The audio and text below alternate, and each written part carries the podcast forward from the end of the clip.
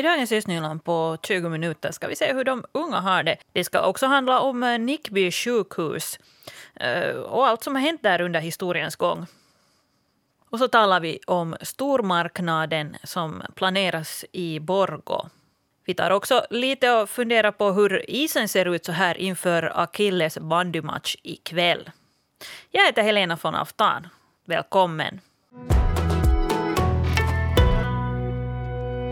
Om du fyller 16 i år och bor i Lappträsk så då har du tur. Kommunen erbjuder nämligen sommarjobb åt alla Lappträsk unga födda 2004. Eh, Mira Bäck fick träffa fyra ungdomar som alla har nappat på det här erbjudandet. Så här säger Annie Antas. Bra att man gör något och så får man pengar också Vad tycker ni om att, att kommunen gör så här att alla som är födda ett visst årtal får, får sommarjobb? Nu är det helt bra. Det var ju så att, att ni fick väl brev hem från kommunen om det här att, att det finns sommarjobb att få. Hur kändes det när det damp ner i postlådan? Vad säger Emil Bergheim? Nu kändes det ju helt bra. Hade du förväntat dig att det kommer? Ja, jag satt nog och väntade. Nu vill man ha pengar.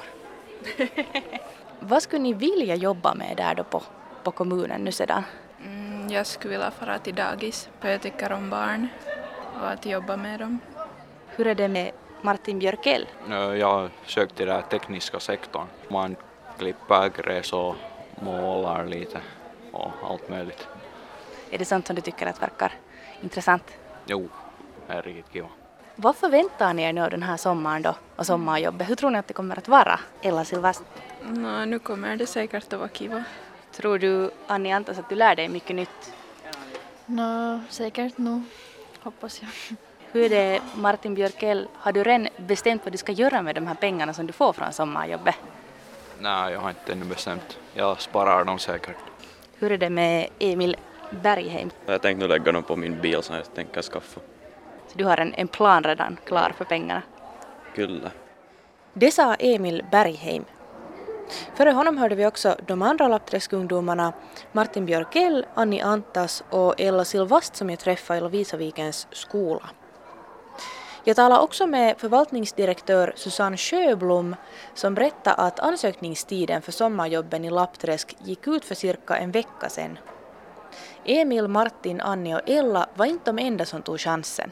I år har vi en extra, extra stor där kull. Vi har 41 stycken i kommunen som, som är födda 2004 och det har gått ut ett brev till alla de här ungdomarna och 28 unga har visat intresse och nu kallas de alla till intervju och så går man igenom med de här unga då, vad de har för hobbyn och vad de har för önskemål och vilken tid de skulle vilja komma på jobb. Att fyra veckor jobbar var och en.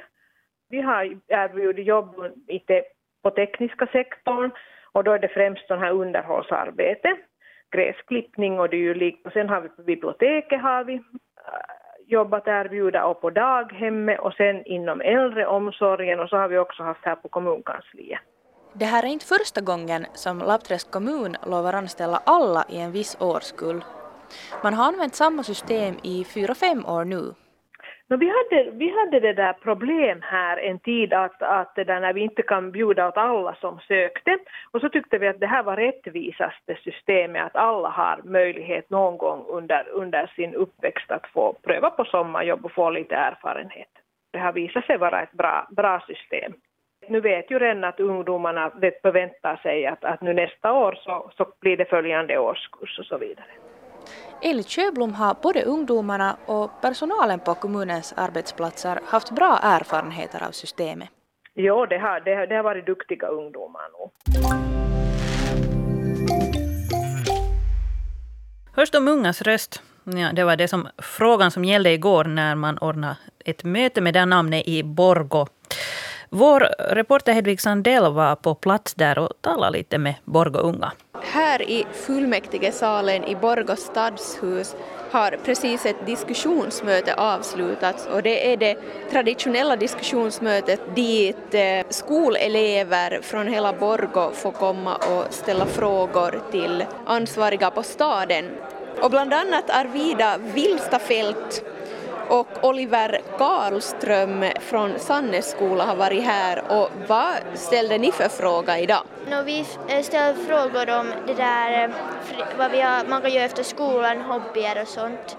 Och vi fick då typ svar till att de har tänkt på det att de håller på med det eller något sånt. Är ni nöjda med svaret? Ja, helt nöjda. Var det några andra intressanta frågor som ni tycker att togs upp här av andra skolelever? Ja, det var nu där de där bussbiljetterna, att de skulle bli billigare var helt bra frågor. Och sen typ några roskisar, mera roskisar, så att man kunde laga skräp i roskisarna på vägen, vet du, att, att man inte behöver kasta det på marken. Nu, hur tycker ni att de här från staden presterar? Var de bra? Det var helt okej okay, men liksom, de kunde inte göra så mycket. Men i alla fall som jag tycker så liksom den där skolmaten så borde man ju egentligen bara typ hämta liksom, kockar till skolan för det skulle vara mycket bättre mat och då skulle man inte slänga mycket och det är hälsosammare och sen när de har byggt det här nya köket så det kostar väldigt mycket så de kunde istället ha bara gett en kock till skolan. Och också Sebastian Blomqvist från Eklövska skolan är här på möte idag. Och Sebastian, du presenterade en fråga också för de här stadens ansvariga. Vad var det du frågade? Jag frågade om eh, skolmaten och hela det där, vad skolmaten innehåller och hur vi skulle vilja att det i, i liksom matsalen, den där maten. Vad fick du som svar? No, att de håller på att eh, jobba på det där vegematen, att det blir bättre och det där att det inte blir så mycket sen, eh, att alla inte kastar bort så mycket mat. Är du nöjd med svaret? Mm, ja, jag skulle nog säga så. Tycker du att det finns några andra saker som var intressanta som togs upp idag? No, jo, det med det där mentala hälsan av barn så det tyckte jag att det var ganska intressant ämne. Hur tycker du att staden svarar på det? No, att eh, man kan i skolan fast skolpsykologen eller kuratorn få tala med men jag tycker att det är också ganska att jag vet vem hälsovårdaren är. Jag vet vart eh, hon det där är men jag vet inte vart kuratorn och psykologen är. Och från Lyseiparkens skola är här också Olivia Haltunen och Frida Läckström. Och Frida, du framförde en fråga här idag. Vad var det för fråga? No, jag framförde till exempel de här med att många bilister inte ser eh, moppoförarna, att man enkelt kan få en bil i sidan i rondeller och att de försöker få förbi en liksom i stan. Att det har jag framfört och sen så framförde jag också massa annat. Att eh, mycket om så här att man ska kunna ta oss ungdomar på allvar och att liksom vi är inte sådana som bara står och babblar om någonting, att vi på riktigt har åsikter och att det känns ofta som att vi tas på allvar. Att det är mycket av mina åsikter som jag tog fram idag. Hur var stadens svar? No, de var helt bra. Ibland så var de lite så här att de bara kanske talade lite och inte direkt svara men att vissa hade också jättebra svar så man fick liksom så här liksom en punkt i slutet. Ställde du någon fråga, Olivia? Jag ställde det här om just ungas mentala hälsa så det här så undrar jag där lite när vi har fyllt i alla världens hälsoenkäter då så, så undrar jag nu att liksom vad gör de med de här resultaten att bearbetar de dem och tänker de på att vad, vad de här resultaten då visar och jag kan ju inte direkt säga att jag fick ett sånt här, sånt här svar som jag ville ha. Nå, något svar fick jag nog men jag är kanske inte helt nöjd med alla svar som vi fick överhuvudtaget över alla frågor. Många var nog direkt konkreta men ja. Vill du berätta vad du fick för svar på just den här frågan? Jag fick höra då att de nog har tänkt på de här alla hälsoenkäterna och sånt men det är just att de förs inte fram, fram tillräckligt bra i skolor och det talas inte så mycket om dem. Och att, ja, men att de nog ändå har tänkt på dem och sånt.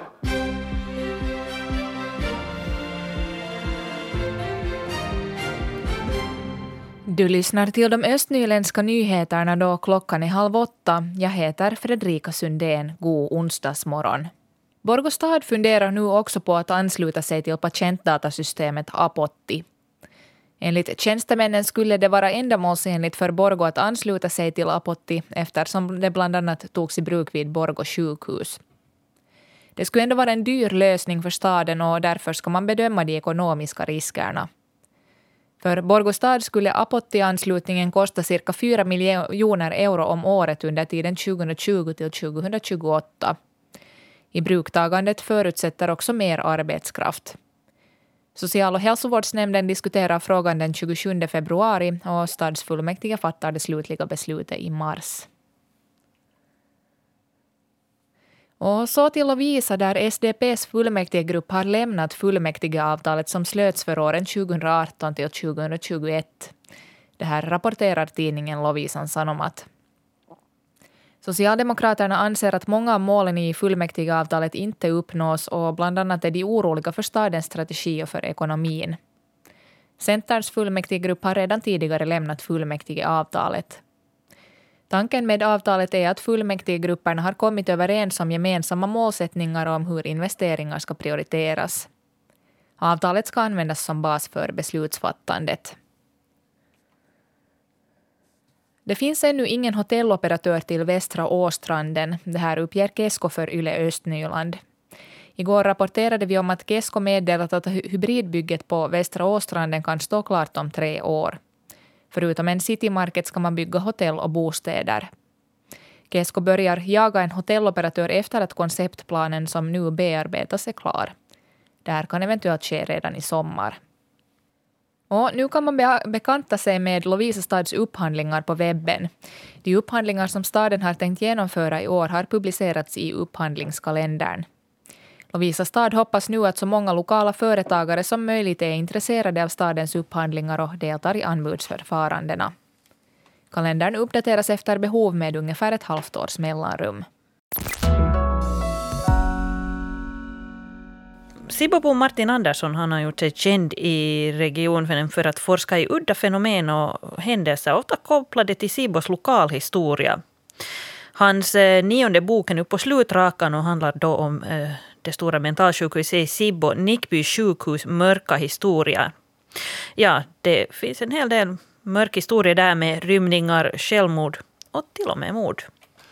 Eh, det var för några år sedan så, så läste jag en, en, en, bok som då handlade om, om Nickby sjukhushistoria skriven av Sirkka-Liisa Tuovinen. Och den var då finansierad och utgiven av Helsingfors stad. Och det är en väldigt omfattande bok. Och, och där så i viss bemärkelse så, så, så beskrev han också de här tragiska händelserna då som hade inträffat på sjukhuset. Där var under krigsåren så, så dog det väldigt många patienter. Och, och sen, sen också om, om, om de här tidigare chockbehandlingarna. Men, men det, blev, det blev att ligga sen för en, för en tid, men att sen när jag nu skrivit, skrivit andra böcker här och forskat och sökt tidningsartiklar så, så, har jag, så har jag hittat lite i anknytning till det här ämnet. Och, och, och, det, var, det var kanske nu här sen senaste höst så, så det där var det en artikel i Ilta-Sanomat om, om en, en mycket, mycket tragisk händelse 1969 när en, en, en kvinnlig patient tog livet av en sjuårig pojke i Nickby. Och, och, det hade jag glömt bort för att jag var själv endast fem år när det här inträffade. Och, och det där, då, då började jag forska lite mera, att, att vad allt annat otrevligt eventuellt har, har skett som inte desto mera har, har diskuterats om. Eh, de här årsberättelserna som, som har skrivits då mellan åren 1930 till 1996. Så mellan åren 1930 och 1978 så, så då har man äh, också beskrivit äh, självmord, eh, närmast antalen självmord som har inträffat, men också sen sådana äh, dråp, olyckor eller till och med mord. Och det har ju inte i väldigt stor utsträckning skett, skett det där eh, våldsbrott gjorda av patienter, men, men det har nog funnits mera än, än åtminstone man har berättat i offentligheten. Hur många dödsfall eller sådana självmord, mord handlar det om sammanlagt? Du pratar om många rymningar. Men, ja, men... det handlar, eh, alltså det som finns från, från eh, de här verksamhetsberättelserna, års och verksamhetsberättelserna, det är 61 fall mellan åren 1930 till 78. Eh, Sen har jag ytterligare hittat då ett, ett fall som, som, som har skrivits om i, i tidningen. Det är liksom ett gammalt fall från 1925. Eh, men, men eftersom det är en tidsperiod på ungefär 35 år där det inte finns någon detaljerad information så, så jag antar att det är ungefär 100 självmord under den tid som då sjukhuset har, har verkat mellan åren 1914 till 1999. Eh, vi har några hundra som alltså är i familjevård eller öppenvård och eh, du har själv minnen från någonting från det här, från din uppväxt i södra Pajpis. Vad, vad var liksom, om du minns ditt intryck av de här patienterna och hur, hur du som Sibbobo förhöll dig till den här verksamheten som också för sig gick väldigt nära där du bodde? Ja, alltså i, i, i södra Pipis så, så var det väldigt uh, många som, som, som hade i familjevård av de här patienterna. Jag tror att på 70-talet så, så var det ungefär 150 patienter som, som, som fanns i, i södra Pipis.